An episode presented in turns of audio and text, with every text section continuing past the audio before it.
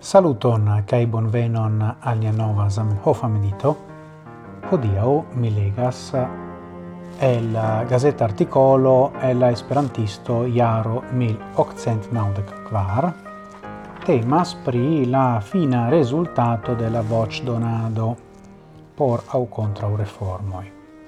Ĉar ni priparolis iomete tiun aspekton lastatempe.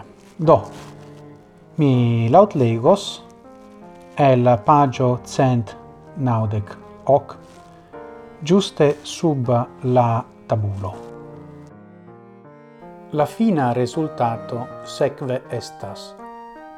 La plimulto da esperantisto e decidis che la lingvo Esperanto devas tute sen ia shangio resti en sia ĝisnuna formo.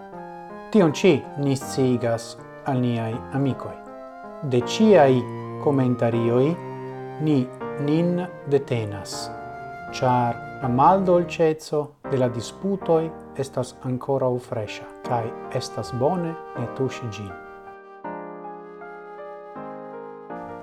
La hodiau el tiro montras la reagon de Zamenhof al decido.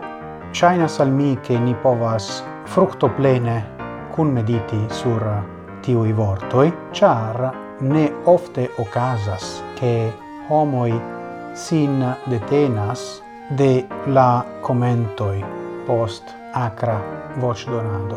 Do Zamenhof scribas che la disputoi au discutoi in moderna Esperanto mal dolcezon, cae tio estas sento ec gusto cion oni devas respecti sen gin tuŝante. Do mi mem mi confessas publike che mi mem multfoje ne condutis tiel.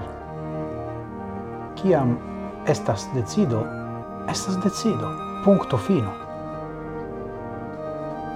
Kaj estas multe pli sage, lau mi sin deteni de ciu commento. Mi ne plu commentas, mi invitas nin kun mediti sur tiui vortoi, Dankon pro via atento, gis morgau, cae ciel ciam, antauen, sen fine.